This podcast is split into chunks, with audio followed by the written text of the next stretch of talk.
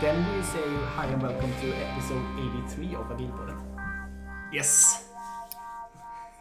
Should we start with maybe saying thanks to Informator, our main sponsor for this podcast? Uh, you can browse their courses if you go to agilpodden.se and then click the Informator logotype. Uh, super thank you to Informator. Today we have a guest, uh, and it's uh, it's a very good guest. Uh, I have been hunting him for a while actually. it Uh, was difficult to find. Or yeah, to get in, rather. fi- Yeah. I had I had to like look everywhere, uh, but finally It's I really found funny him. because I'm all over the internet. I'm so many places on the internet. I can't even be any more places on the internet. Yeah, and Yeah. I can also say that uh, we, we actually, I mean, one of my dreams with when we created this podcast was actually to like find the people behind the Agile Manifesto and, and get more information around what actually happened. Uh, why did you write the manifesto and stuff like that? And and today we actually have one of the co-authors uh, of the Agile Manifesto with us. So uh, without further ado, maybe we should welcome you, Alistair. Hi there. Do you want to uh, to present yourself a little bit? Tell us who are you? Oh, well, um, I started off as a hardware designer and then I was a programmer researcher and then I was a methodologist. I was a instructor of Smalltalk. Uh, I was a project manager in the mid 90s. Uh huh. I was assigned to design a methodology for IBM for Smalltalk C++ projects. So that got me into methodology design and project management.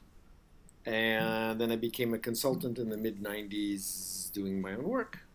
Where That's do you, where did you grow up? Did you grow up in the U.S. or where you from? Oh, my parents were English and uh, they had kids in England and in the US and in India. Lived in many places. I was born in the US. I did most of my school life in the US, but I spent four years in India, one year in Sweden, and one year in Norway, and one year in Scotland, and seven Wow. years in Switzerland. So lots of parts outside the US. I also saw that you ended up in Oslo doing some PhD work, right? Was that? Yeah, I actually the- got my uh, Dr. Philos at the um, uh, University of Oslo Yeah. in 2003. Okay, so that was after the manifesto. Yeah, I started it in around 99, so actually it was kind of concurrent with, if you will. Mm-hmm. So my research went into my book Agile Software Development, a cooperative game, Mm. and my research went into my PhD dissertation. So like one, if you take the same work and one was oriented toward, um, let's say non-academic readers, and then one was oriented toward academic, you know, my academic uh, test. Okay. Why did you end up in like tech and uh, software development stuff? Oh, well, when I, I my my degree was in software engineering, computer science, software engineering. But why did you Um, why did you choose that kind of? Oh, why did I choose that? it's very strangely um, because it contained all courses that I didn't like and didn't understand, and I thought I would be it would be good to get them out of the way while I was young, not not having any idea that when I came out that would be the only way I could get a job was if I did the stuff I, I just didn't like and didn't understand. I see. So I've spent actually my entire career trying to get out of that. And have have you managed? Yeah, it's pretty good. It's pretty good because actually the, the, the stuff I was interested in was psychology. Uh huh. and and my specialty these days I describe as organizational psychology. So it, it hasn't been too bad because you know I started off the reason I got a master's was because when I had a bachelor's all the jobs that I could I could get all looked like being being a, a mouse in a maze you know locked in a room and I hated I couldn't even stand it. So I went and got a master's and then um, and then I got a degree specializing in computer graphics, and then I worked in computer graphics uh, hardware design for the next like bunch of years, and then and then uh, and that was okay because computer graphics when you do the same work, at least you can look at the picture at the end, right? Same work if you don't like the work, but at least there's a picture at the Uh-huh. end. Like one of my colleagues was was uh, designing something to, for a disk controller, and he calls me over And he says, Alistair, Alistair, look, he's all like super excited. And he shows me a little square wave right on his oscilloscope. And he goes, I wrote a bit to the disk. And Hooray! and and I I brought him over and, and I had just had someone draw a belly dancer on my testing my my graphics vector graphics uh, board that I had just built. I said, "Look at mine. I get a belly dancer, and you get a square wave. So I'm in the right field for me."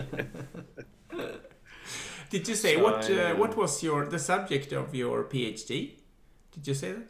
uh, it's uh, people and methodologies in software development. Okay. So you start, So I was- started with the psychology there already. Well, the the um, my test. So I started the methodology work in 1991, and IBM hired me to create a methodology for Smalltalk and C++ projects, and I said I don't know anything about this. So my boss said, "Well, why don't you go and interview some projects?" And she gave me basically unlimited airplane tickets to fly around the world and, and interview projects. Uh-huh. So I did what's known in the research field as um, grounded research, which is you just ask questions and then you look at the patterns of whatever people answer and you try to make sense of the patterns. And the first thing that happened was that whatever people were talking about on the successful projects didn't match anything in any of the books at the time. uh, they weren't using case tools. They weren't doing Gantt charts. They weren't doing. Were they there was no way to using- talk about it. Were they using um, like the RUP process then, or Oh, this is long before Rook. Rook Okay. came like mid '90s. okay? I thought this Um, was this was- ninety five. Sorry. Okay. Yeah, but I'm talking 1991. Okay. Okay, So so, for me, all my answers were also were already in place by '95. So when RUP showed up, you know, we just realized it was more wrong, more wrongness.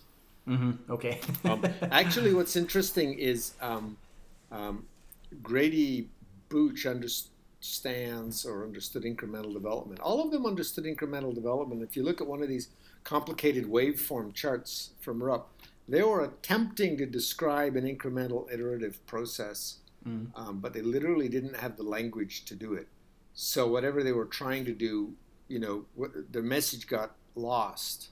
yeah. Now they weren't agile yet, um, but they, they at least they were semi, semi on the way there, but their language didn't permit them to express the stuff. And I'm very sensitive to language. I'm kind of a language specialist, Okay. and and was on.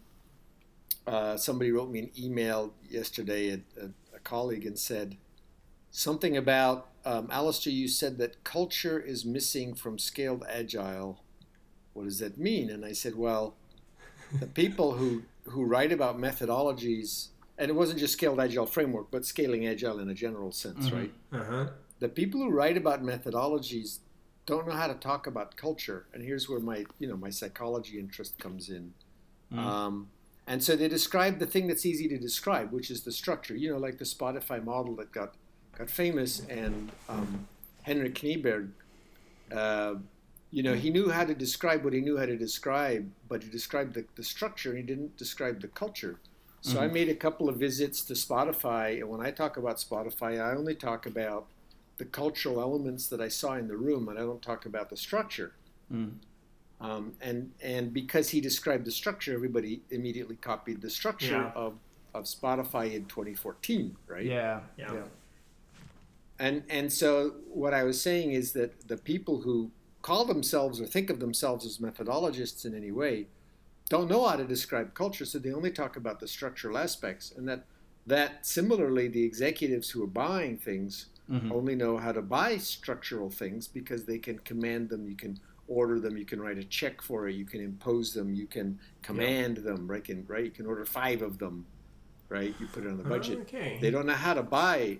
They don't know how to buy cultural things. So your hypothesis is sort of that structure always wins over culture in those traditional companies because there is a language to describe uh, structure, but not a language to describe uh, culture.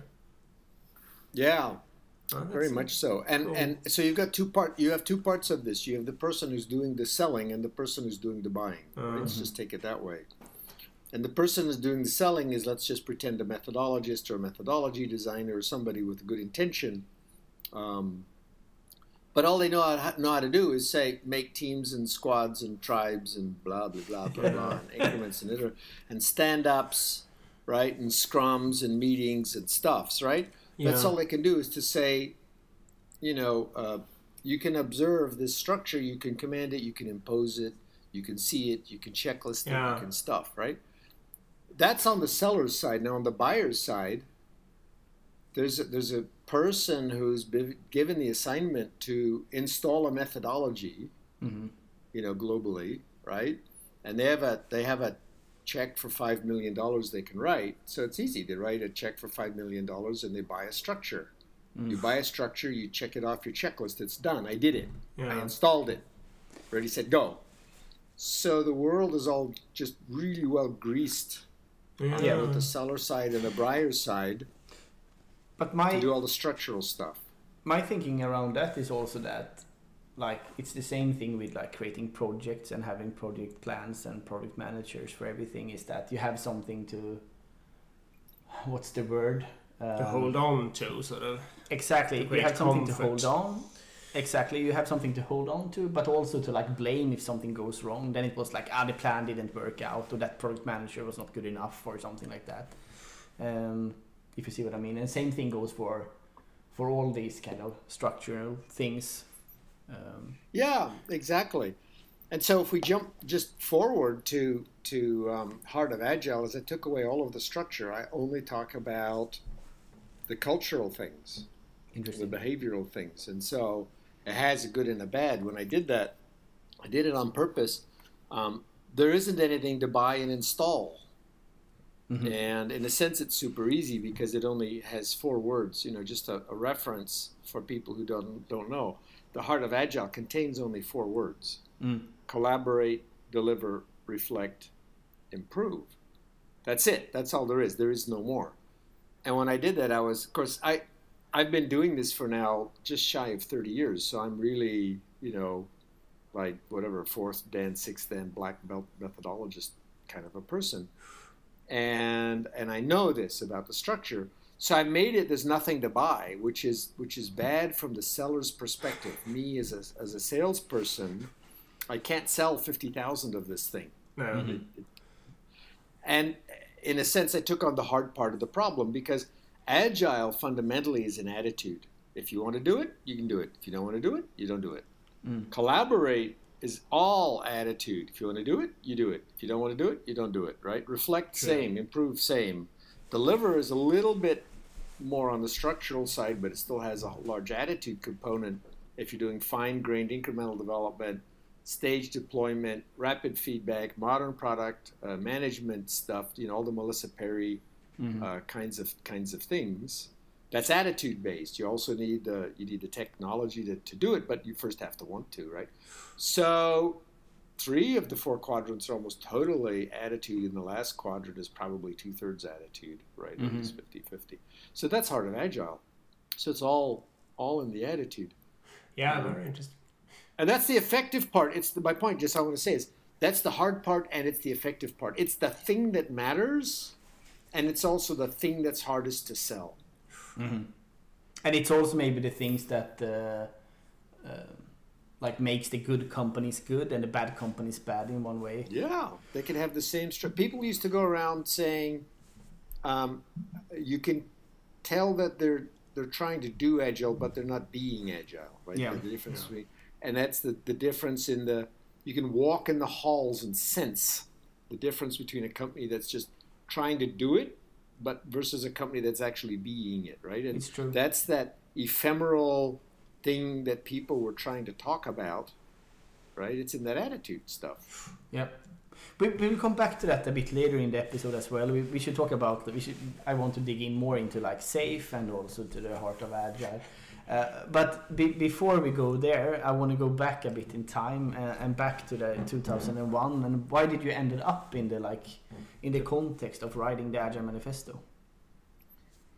Um, so, because of my interviews, 1991, 2, 3, I ended up in that pre agile world. So, my first methodology was constructed in 92, 93, um, and it had only three elements in it really. It's or three or four. It said, okay, what you need is you have to have incremental development, stage delivery. That's part one. If you don't have that, you don't have anything. Part two, for requirements, we're going to use use cases from Ivar Jacobson. Mm. Part three, for design work, we're going to use um, uh, CRC cards and responsibility-based design from from Ward Cunningham, Rebecca Wirfs-Brock, uh, Kent Beck. And then the fourth thing is whatever code tools that you have, check-in, version control, profiling, testing, etc. Blah. And that's all that was in my methodology in 1992, 93. Then in 93, I added design patterns when that came out. Mm. Um, so it was really, really, really minimalist. And, and one of the things that I did was I got rid of the analysis phase. So when I started in 91, everybody says, okay, there's a requirements phase and then an analysis phase, Mm-hmm. design phase, coding phase, testing phase.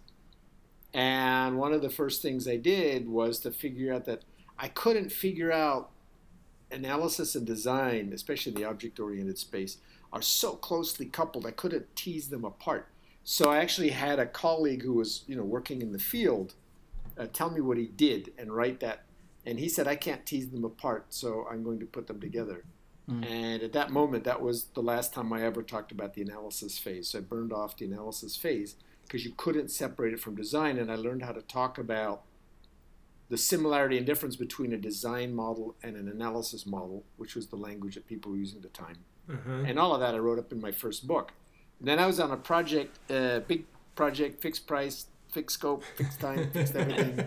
project 94, 95 with IBM. Uh-huh. It ended up good. Yeah. What? It ended up good. Was it on time? Yeah, time? we succeeded. Yeah. Yeah. Yeah, yeah, we, yeah, yeah, yeah. We're the only people who ever succeeded with that. nice. Congratulations. Um, thank you, thank you. You know, and I tried out all the stuff that I'd been learning. So I was the methodologist, and you know, I was in charge of the requirements gathering team and the domain modeling team, and in charge of the process, right? Uh-huh. Um, so we so so we did the basics that I said. You know, just uh, use cases, incremental development, CRC cards, and coding was all we had. A lot of um, um, co-location, huge amounts of communication, Mhm. um, lots of goodwill. Manual testing, by the way, there was no automated testing. Um, so I, for a long time, I never added automated testing to my my my requireds list because we didn't have it and we succeeded. And basically, all of the other projects around us were were crashing and burning. And I was later asked to be expert witness in a lawsuit in a project that happened at the same time. And when they started describing the project to me, I said, "Let me just tell you what happened next." And I described all the bad things that were going to happen to them, because because you because you know that stuff after a while. Yeah. So that was 94, mm. 95. We succeeded. The project was still being used 10 years later. So it was a it was considered a success on the client side. That's great. nice. And then and then I went to the university. Then I went to um, the Central Bank of Norway, uh, 97, 98. Um, and that's where I really got to play with methodology, like a uh, where I ended up being kind of project coordinator on this project that honestly tried to commit suicide like twice a week, and it occupied my entire year just trying to help it succeed. But it again, it again, it succeeded, and um, all the projects around it were failing.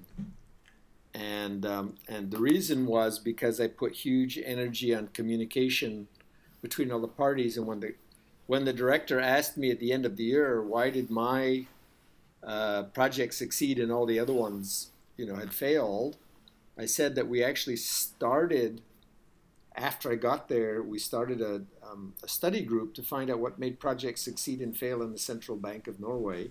Mhm. And the data was that those in which there was good communication within the team and with the sponsors succeeded, and those that, that didn't have that failed. It was like Mhm. binary.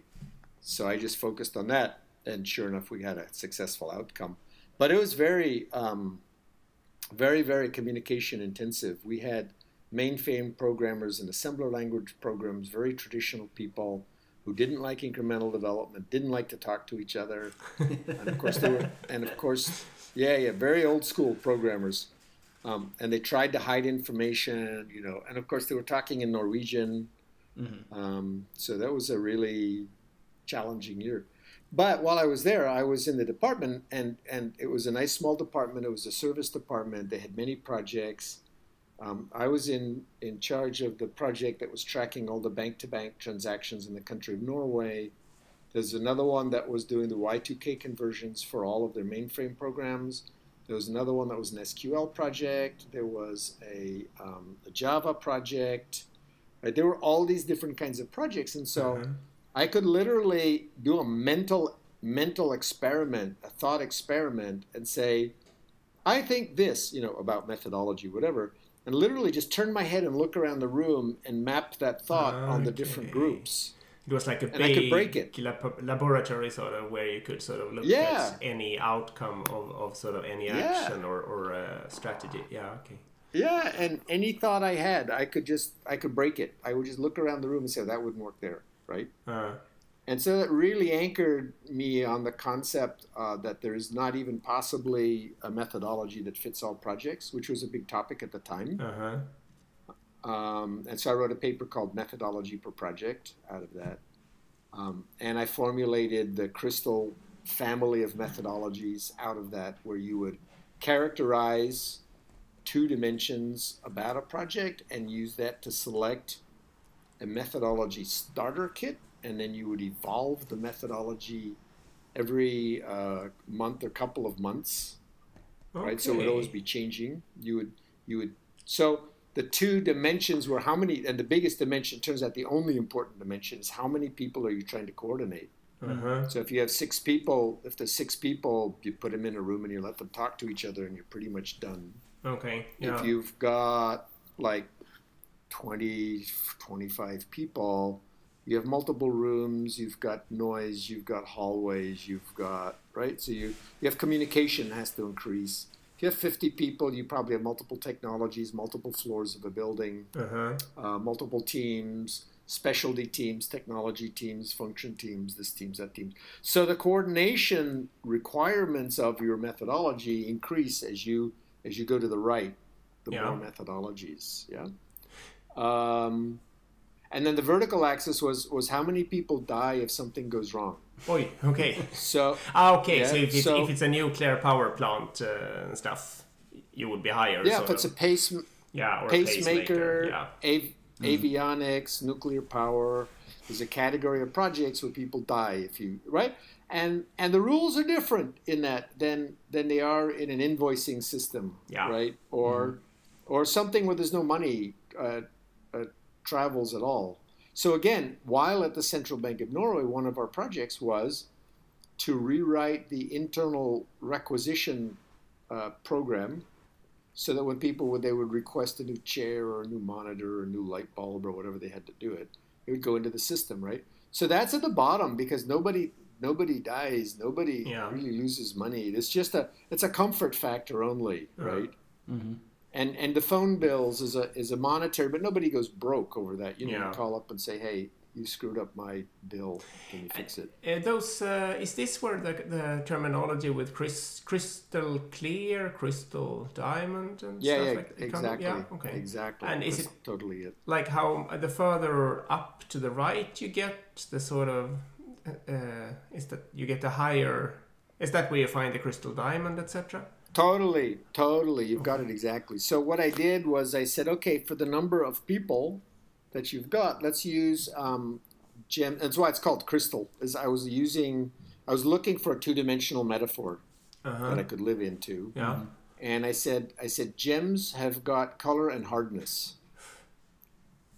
Yeah. And so if we go from left to right, we'll pick different colors. So you know, Ah, okay. quartz, So it's a matrix. topaz, ruby, sapphire, right, whatever. Uh huh. and and uh, from bottom to top you've got quartz is very soft and diamond is very hard so the concept there was that if you're doing nuclear power plant you want the hardness has to do with how much ceremony how much checking how much control you Mm. you need and so the it's more checking and control equals more hardness on the on the on the mineral scale right so diamond's a 10 by definition Yep. you know, quartz is I don't know a two or a three or something. So let's just say there's I've made four bands. You could make three bands. It didn't matter. Yeah. Um, but let's just say three bands for the sake of argument. There's no money gets lost. That's the bottom band. That's quartz. There's a middle band. It's maybe like glass or something, and there's a top band. It's like diamond, Mhm. right? Yep. And then and then I was going to do that for and then topaz. So clear would be like up to nine people where you just talk to each other. It's pretty sloppy and pretty easy. Uh huh. And then you'd go over to topaz up to about 30 people, and then you'd shift over to, to some red colored colored thing, you know, whatever. Um, and eventually you'd get to ruby, you know, as a dark red, and then and then sapphire's the blue one. You're, you're up over 100 people, and so on and so forth, right? So that was my idea. That was the metaphor um, to have index in, and I was looking for two dimensional um, analogy that I thought people could play in with, and it turned out they couldn't. It turns out people can't do two dimensional stuff. And so when I examined, you know, all my notes again, uh, I found that that you only really needed to index in off of the number of people Uh-huh. that the biggest stru- structural differences now we're back on that structure thing again the biggest Yeah. structural differences come with just the number of people that's where you observe coordination and communication Yeah. structures emerging and taking domination so if you have 50 people you just have to deal you have to have put things in place to allow people to communicate and coordinate that you don't have to do if you have nine people Yeah. or six people, right? And the vertical axis could I, I you can take care of in what I call methodology tuning activities at the beginning of the project, where you literally just you could just you can literally talk about you know what you need for checks or something like that. Actually, I did this um, work for one of the for GlaxoSmithKline. Um, uh, that has pharmaceuticals and FDA approval, and you know they got medicines, and there's a ton of rules, and they already had, and so we formalized it. Uh, basically, there were only there were only two stripes on the vertical side. FDA approval is required. In other words, people die, so FDA approval is required. Uh-huh. And in that context, um, cost is no object. Agile is not an interesting adjective to use. It's not a priority. It's Uh-huh. not relevant. Speed doesn't matter. You just don't want your, you know, ten billion dollar Viagra manufacturing line shut down because some stupid programmer didn't follow some stupid checklist, right? Oh, okay. So they don't. They literally told me we don't. We don't even care about the cost. It's not right. Mm-hmm. Agile's not a thing. Don't show up here with that. It's irrelevant. It's expensive. It's slow. It's valuable. We don't care. Right. So then, and and was the, like the most interesting turning point moment in the discussion in the room. This lady who was the who was the head of all of R and D uh, for software for GlaxoSmithKline says we can't use Agile because we can't shut down the Viagra line, basically. Uh-huh. And this other person in the room says, What percentage of our projects are FDA oriented? Uh, And what's- somebody else in the room, What's FDA? Sorry. Sorry? What's FDA? oh, F- thank you very much. FDA is the Food and Drug Administration Uh-huh. in the U.S. So it's, a- it's an authority in have- the US. Okay. They have the they have the worst auditing procedures of anybody anywhere in the world. Can and they won't even tell you what they're going to audit for, right? You can't you can't do a test first approach to an FDA audit. They show up, they audit, and they just say yes or no. And if they say no, you shut down your manufacturing line. See, you don't care what the cost is, you can't afford to get a no. So FDA approves federal Food and Drug Administration approval based projects are like the most scary things at, at all, mm-hmm. anywhere. Um, so, I anyway, guess. somebody else in the room said, well, 15%, about 15% of our projects are FDA approved. And this is the second person goes, so we could use Agile on. On the other 85. On, on, 85% of our projects like yeah. let's go right? So they they literally formed a split right? You're either fda approved right? Life critical in which case cost no object agile's irrelevant mm. or it's not and then you can use agile. So so that was a really lovely discussion. That's the way i would love all discussions to happen. Mm-hmm. yeah. I will i will uh, bring you back to my questions a bit. Um, to the like, why did you end up in the manifesto writing? Yeah, well, yeah, and he asked about crystal, and very few people know enough about crystal that, so I was happy to do that. yeah, fine. It's totally fine. But yeah, yeah, but you can. What I want you to see is that I was operating in this space, right, from '92 to '99, yeah. Yeah, and I wrote my book, Surviving Object-Oriented Projects, which you know talked about all of this. So, so, um, if you will, there was a community of conversation between people who were looking at similar or, or adjacent things. So, like, I investigated extreme programming. Right? I Mhm. was one of the few people who investigated that. I was in the patterns community, so I was, you know, in that group talking about that. Uh, and actually, I had organized um, twice uh, these these meetings in February. We we actually uh, it wasn't in February. It was in probably in May of 1998. I got together a group of people: uh, Ward Cunningham, Kent Beck, Alan Wirfs-Brock, Rebecca Wirfs-Brock, Jim Coplien. I can't remember who else was on the boat. Mhm. And we actually took the Norwegian uh, post boat down through the fjords, from Okay. Tromsø down to Bergen, the Uh-huh. Hurtigrute. Yeah, Mhm. cool. So, so there was a history of these workshops, and I was going to organize another workshop in February of 2001. Uh huh. Mm.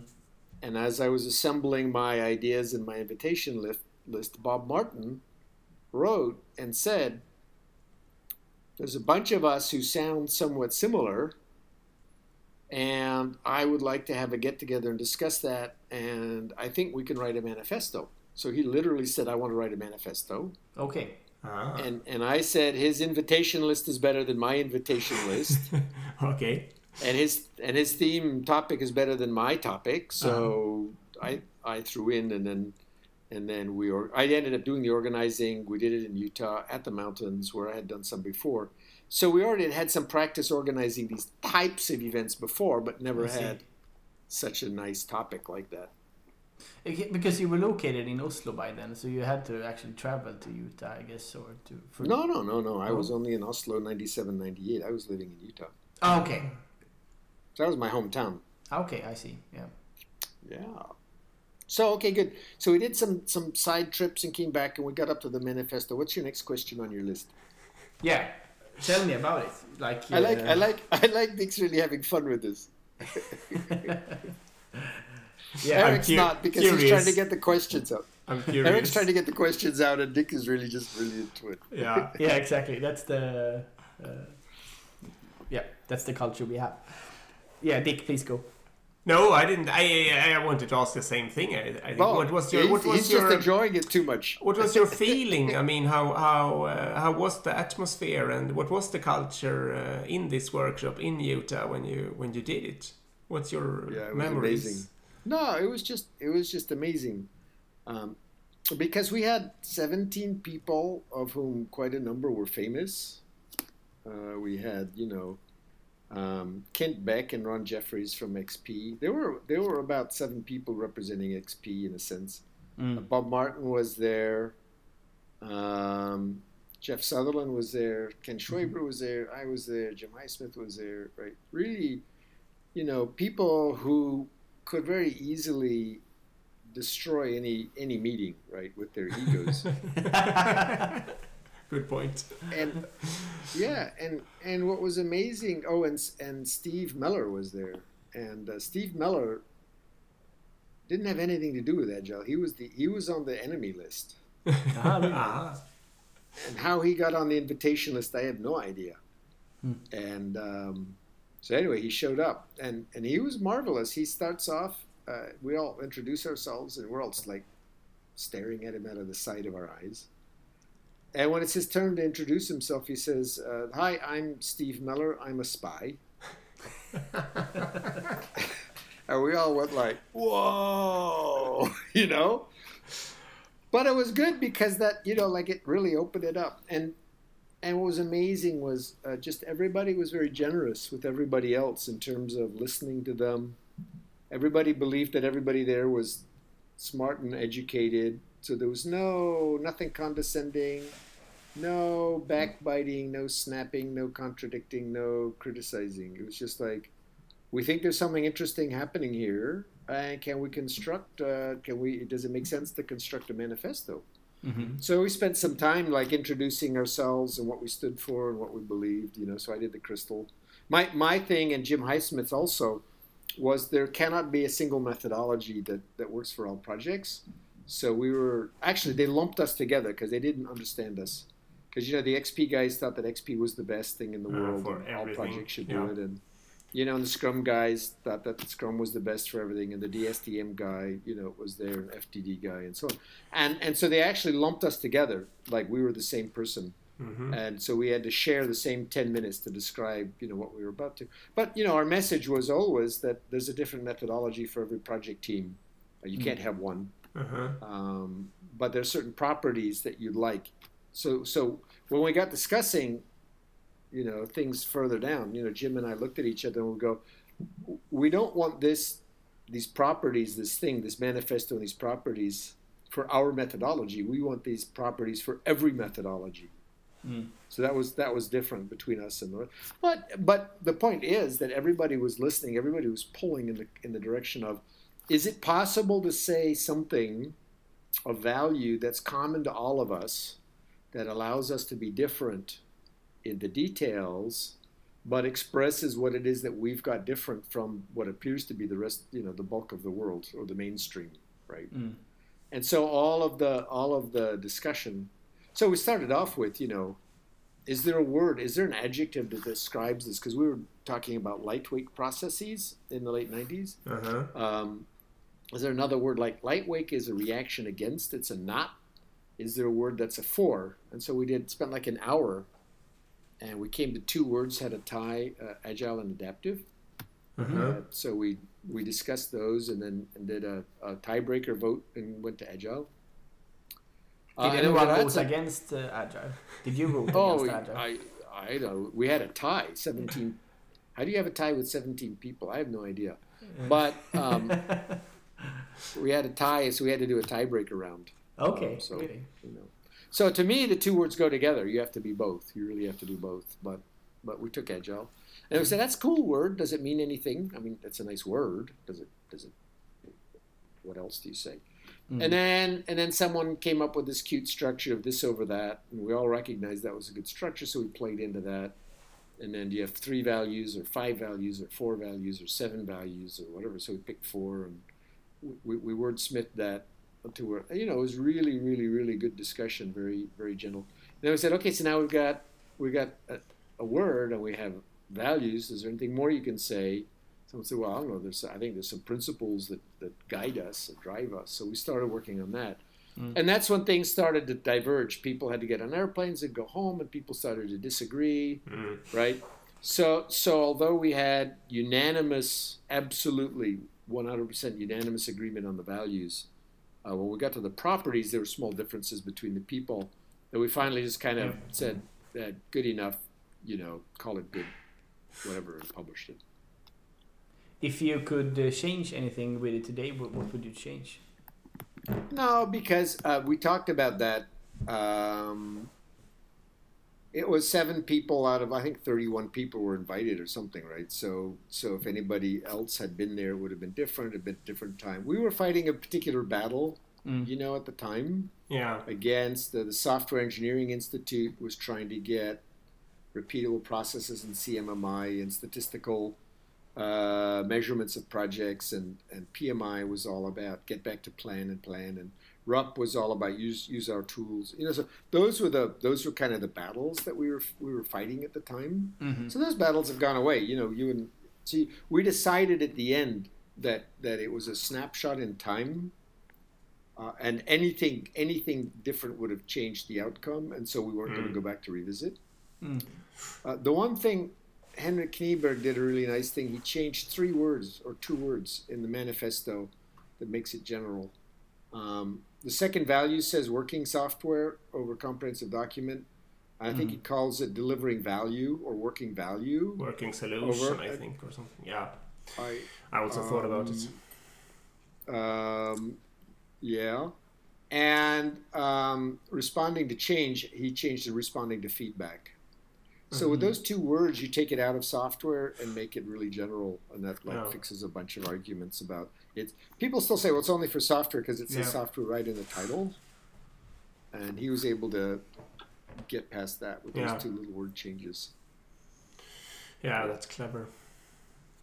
But otherwise, we don't have any intention to change it. It was a it was a thing that happened. It's a nice touchstone, and I think you know 20, 20 years later, you look at it, you touch it, and then you go touched. Okay, got it. Now, what do I want to do with that in twenty twenty? Mhm. Right? How does that how does that fit in the in a in a different world where Yeah. the battles aren't the same and the technology is not the same and the project doesn't have software in it and whatever. Yeah, but it took some years before it got recognized, right? Because it didn't took fly away immediately. Oh no, it it took off like a prairie fire. It was amazing. It was amazing. So we wrote it in, let's say February. Well, we met February. I think it took a couple of months. Maybe it was April before it got actually like published out. Mm. Uh-huh.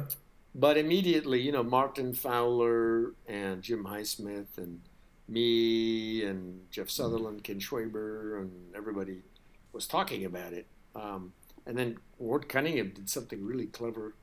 Uh, he set up the website so you could you could sign your name and write a little note. Say, yeah, I, I like this, and put your name and write a little note. And so we had hundreds and then thousands and then ten thousands of people writing in and saying, I love it, I love it, I love it, I love it, I love it. The first panel on this was already that year in like August. Okay. The first conference was already uh, the next year in 2002. And I held the first big conference in 2003. 2004, end of 2003, it was already in a contract between a set of hospitals and GE Healthcare that they had to run the project Agile. I Triple IEEE got in the game 2006 7. Yeah, no, it took off incredibly fast. Okay. Cool. Yeah.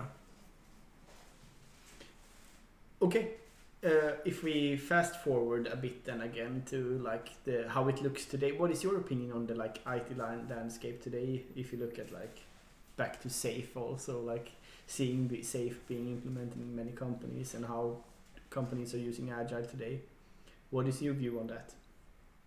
Um, a lot of people, you know, from the olden days are kind of unhappy with where Agile went. I'm, I'm not too distressed because I think that any idea gets perverted by people who see a chance to make some personal gain from it.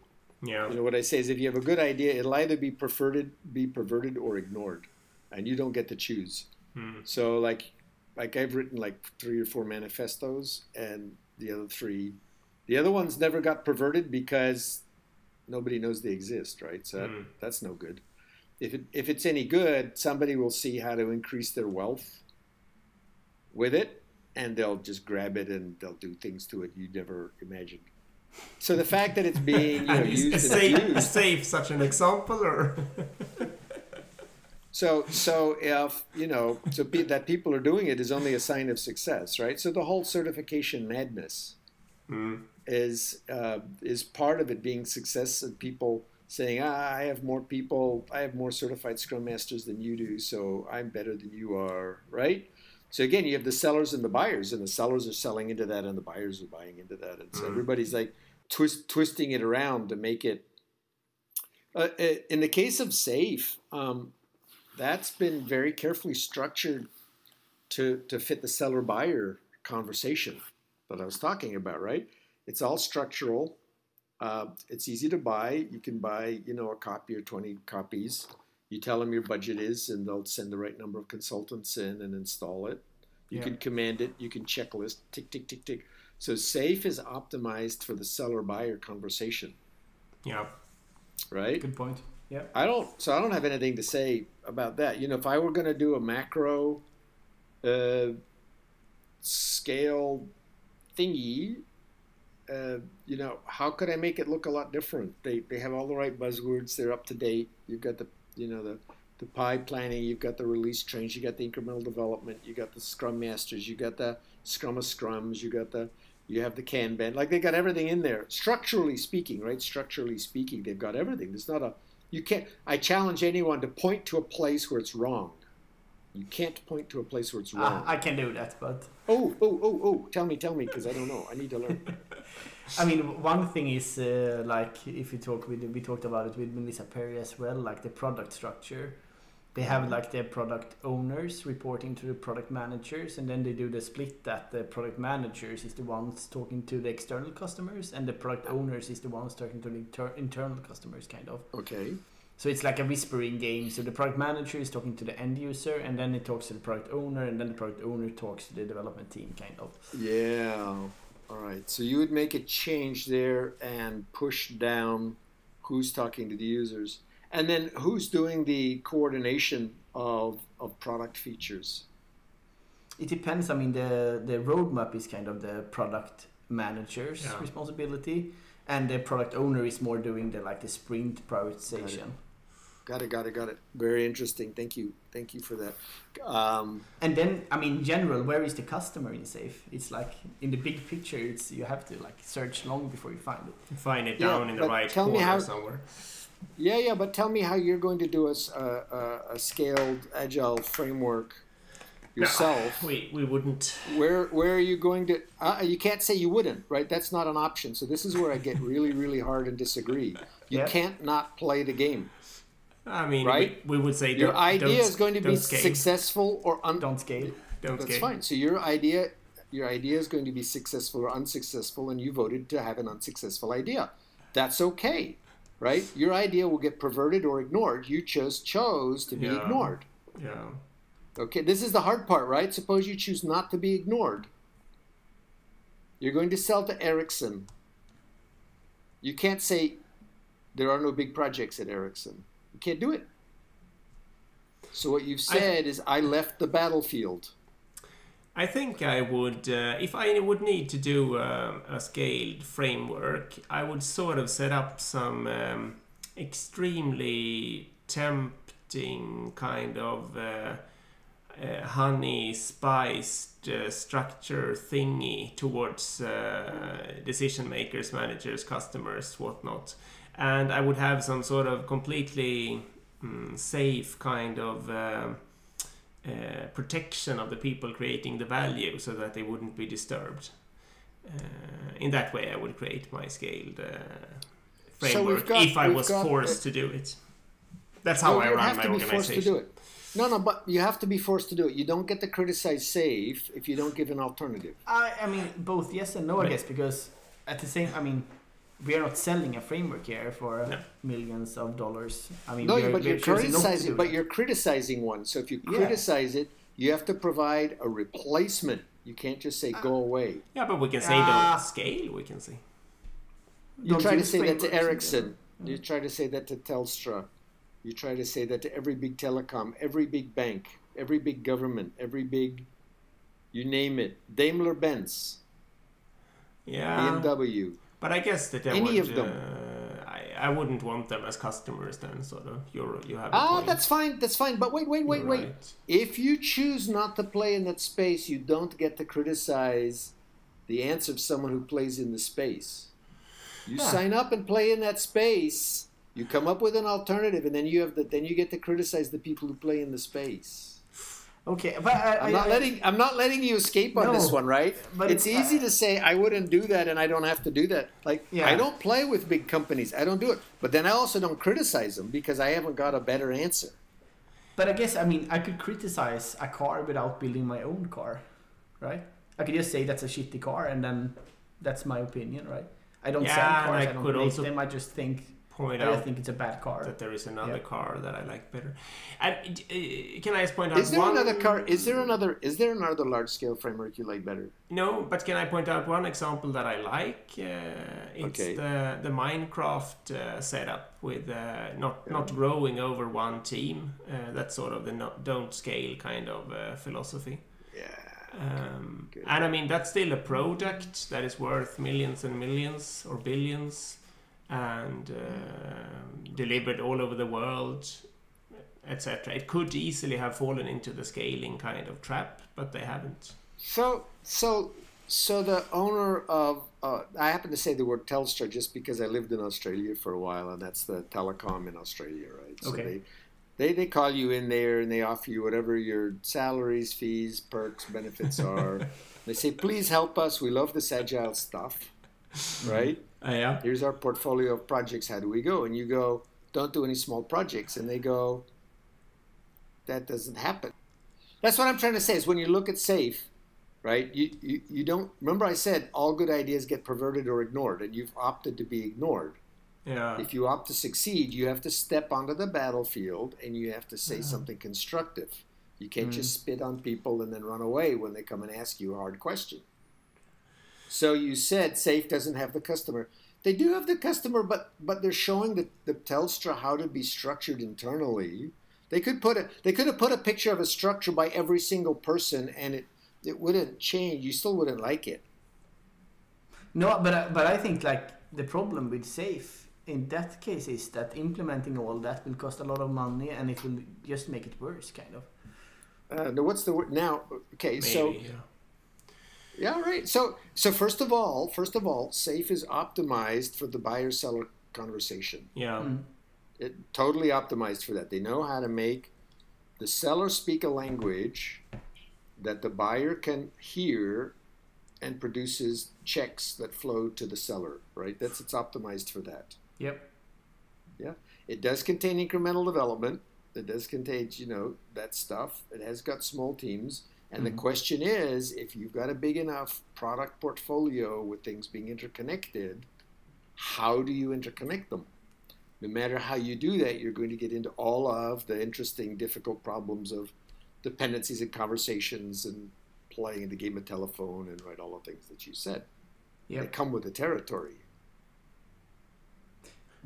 Absolutely. And I mean, uh, this is very interesting. We, we could stay here for a while, but I love Uh, this. Hey, they, yeah. I- this is the best argument I've had in a long time. So Yeah, I nice. hope you guys and your listeners are enjoying I hope so as well. Uh, Yeah, the challenge response is important for. So But it's I not think- that I like. I don't. It's not that I like safe, no, I, I see, but I, I get your point, and I think it's but I honor. But I honor what the what the problem that they addressed, what they constructed, and the problem space in which they're working, where their buyers are Yeah. thinking in this way. Yeah, of course, and they, they even call it safe. I mean, that's it's brilliant from from if you look at the buyer seller perspective. Uh, it's like it's brilliant in that way. I agree, um, and and I think also, I mean, it is good in that sense that many companies have a lot of dependencies and they have no ideas about it. And like implementing safe and the trains, maybe you start to think more about value change.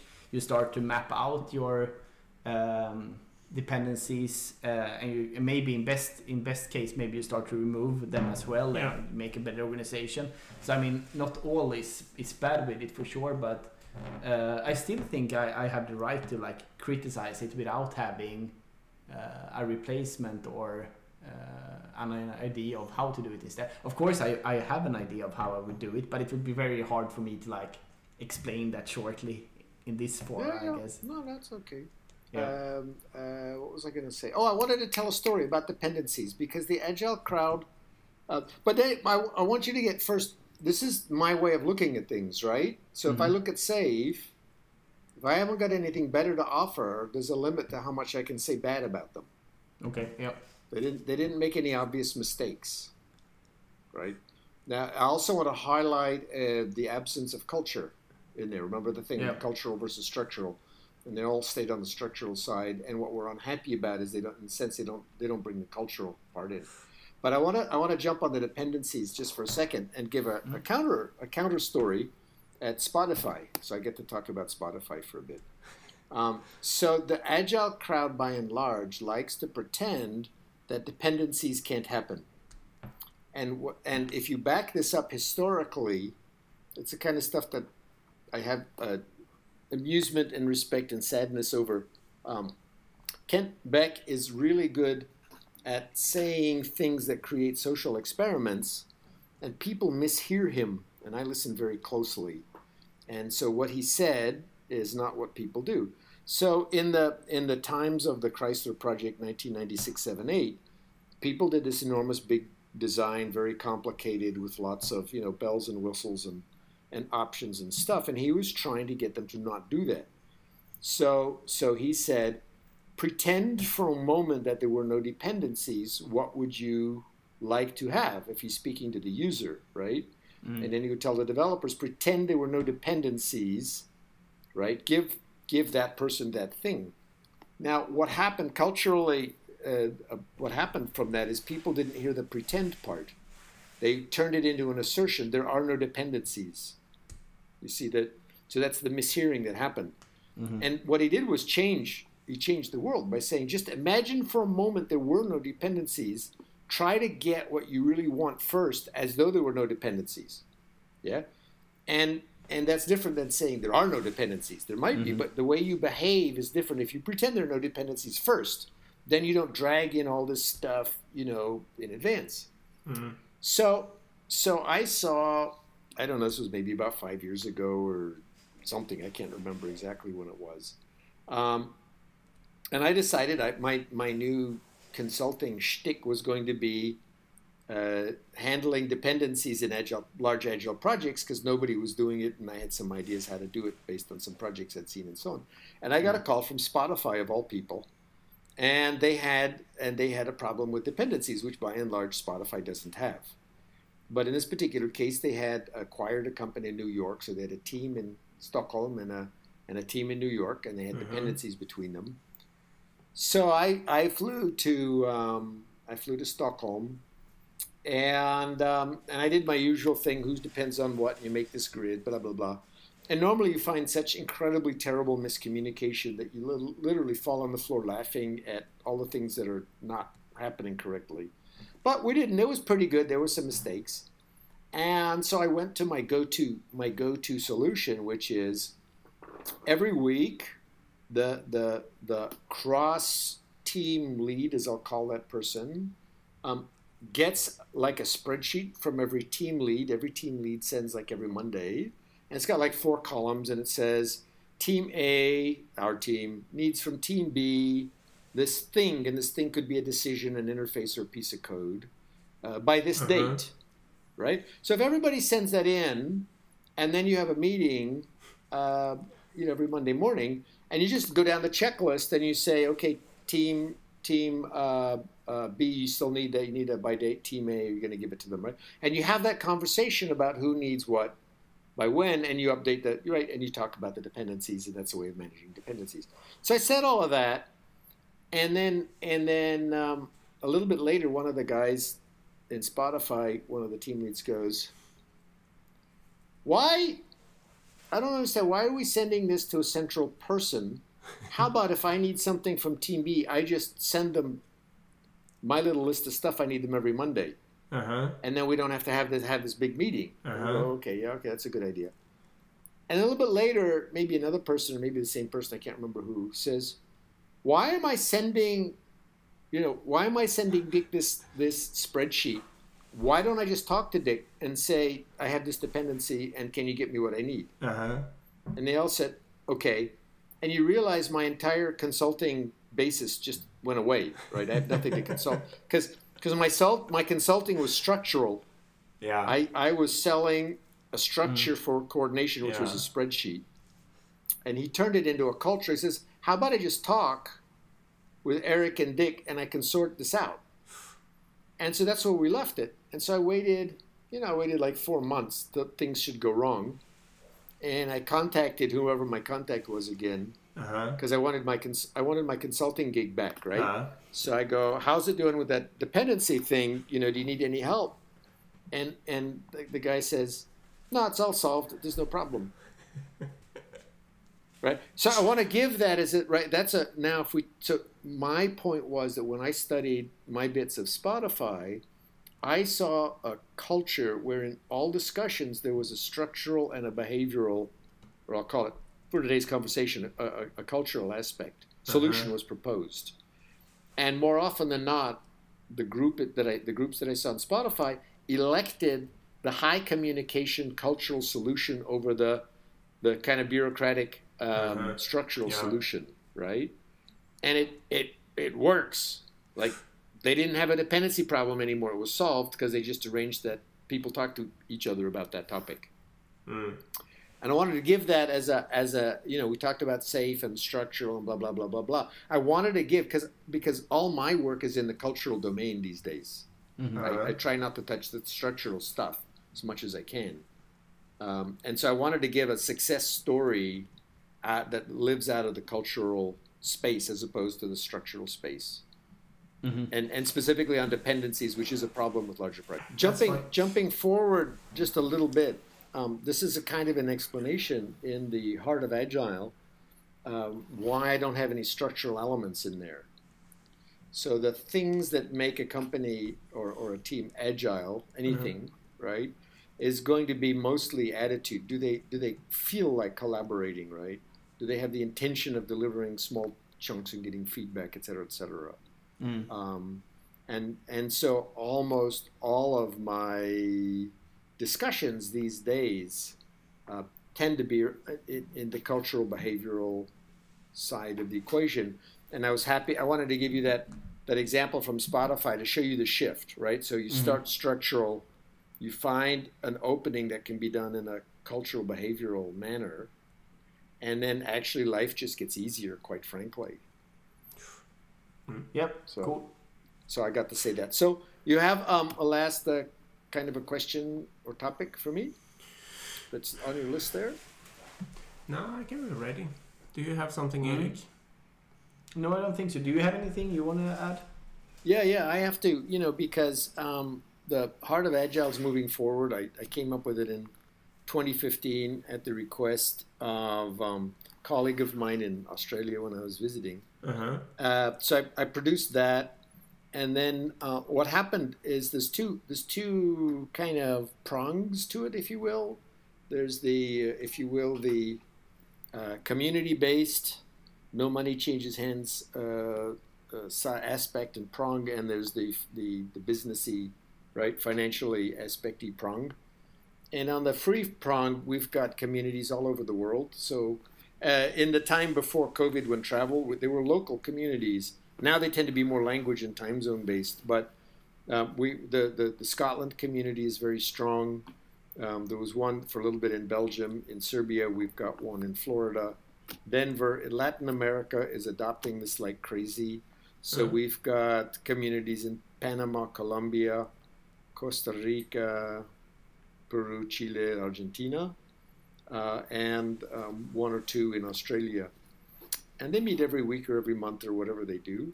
Uh-huh. Now with the with with the COVID, everything's Zoom based, so the, mm-hmm. the the national borders kind of evaporated. Yeah, of course. So all of the Latin America communities are actually uh, taking turns hosting their community ones, and they open it up on Zoom.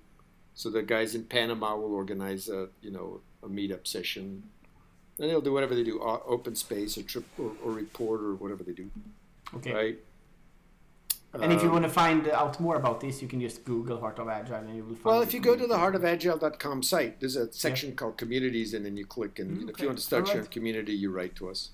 Cool. And on the and on the commercial side, we decided that um, instead of having like certificates for for certified Heart of Agile mumble mumble, what was more interesting was ongoing skills development. So that we have started a thing called Heart of Agile Academy and in the Heart of Agile Academy, uh, there are courses to improve skills in, around collaboration, around delivery, around reflect and improve. So in collaboration, it's all the it's all um, clean language, how to facilitate a session. We have collaboration cards. Um, there's lots of topics from HR and so on. Just generally how to how to talk better, collaborate better, and so on. Uh-huh. Inside of delivery, there's this lean Kanban, all that stuff, the Melissa Perri feedback stuff, stuff for CFOs on the financials of stage delivery. Right. So these are all separate courses and workshops.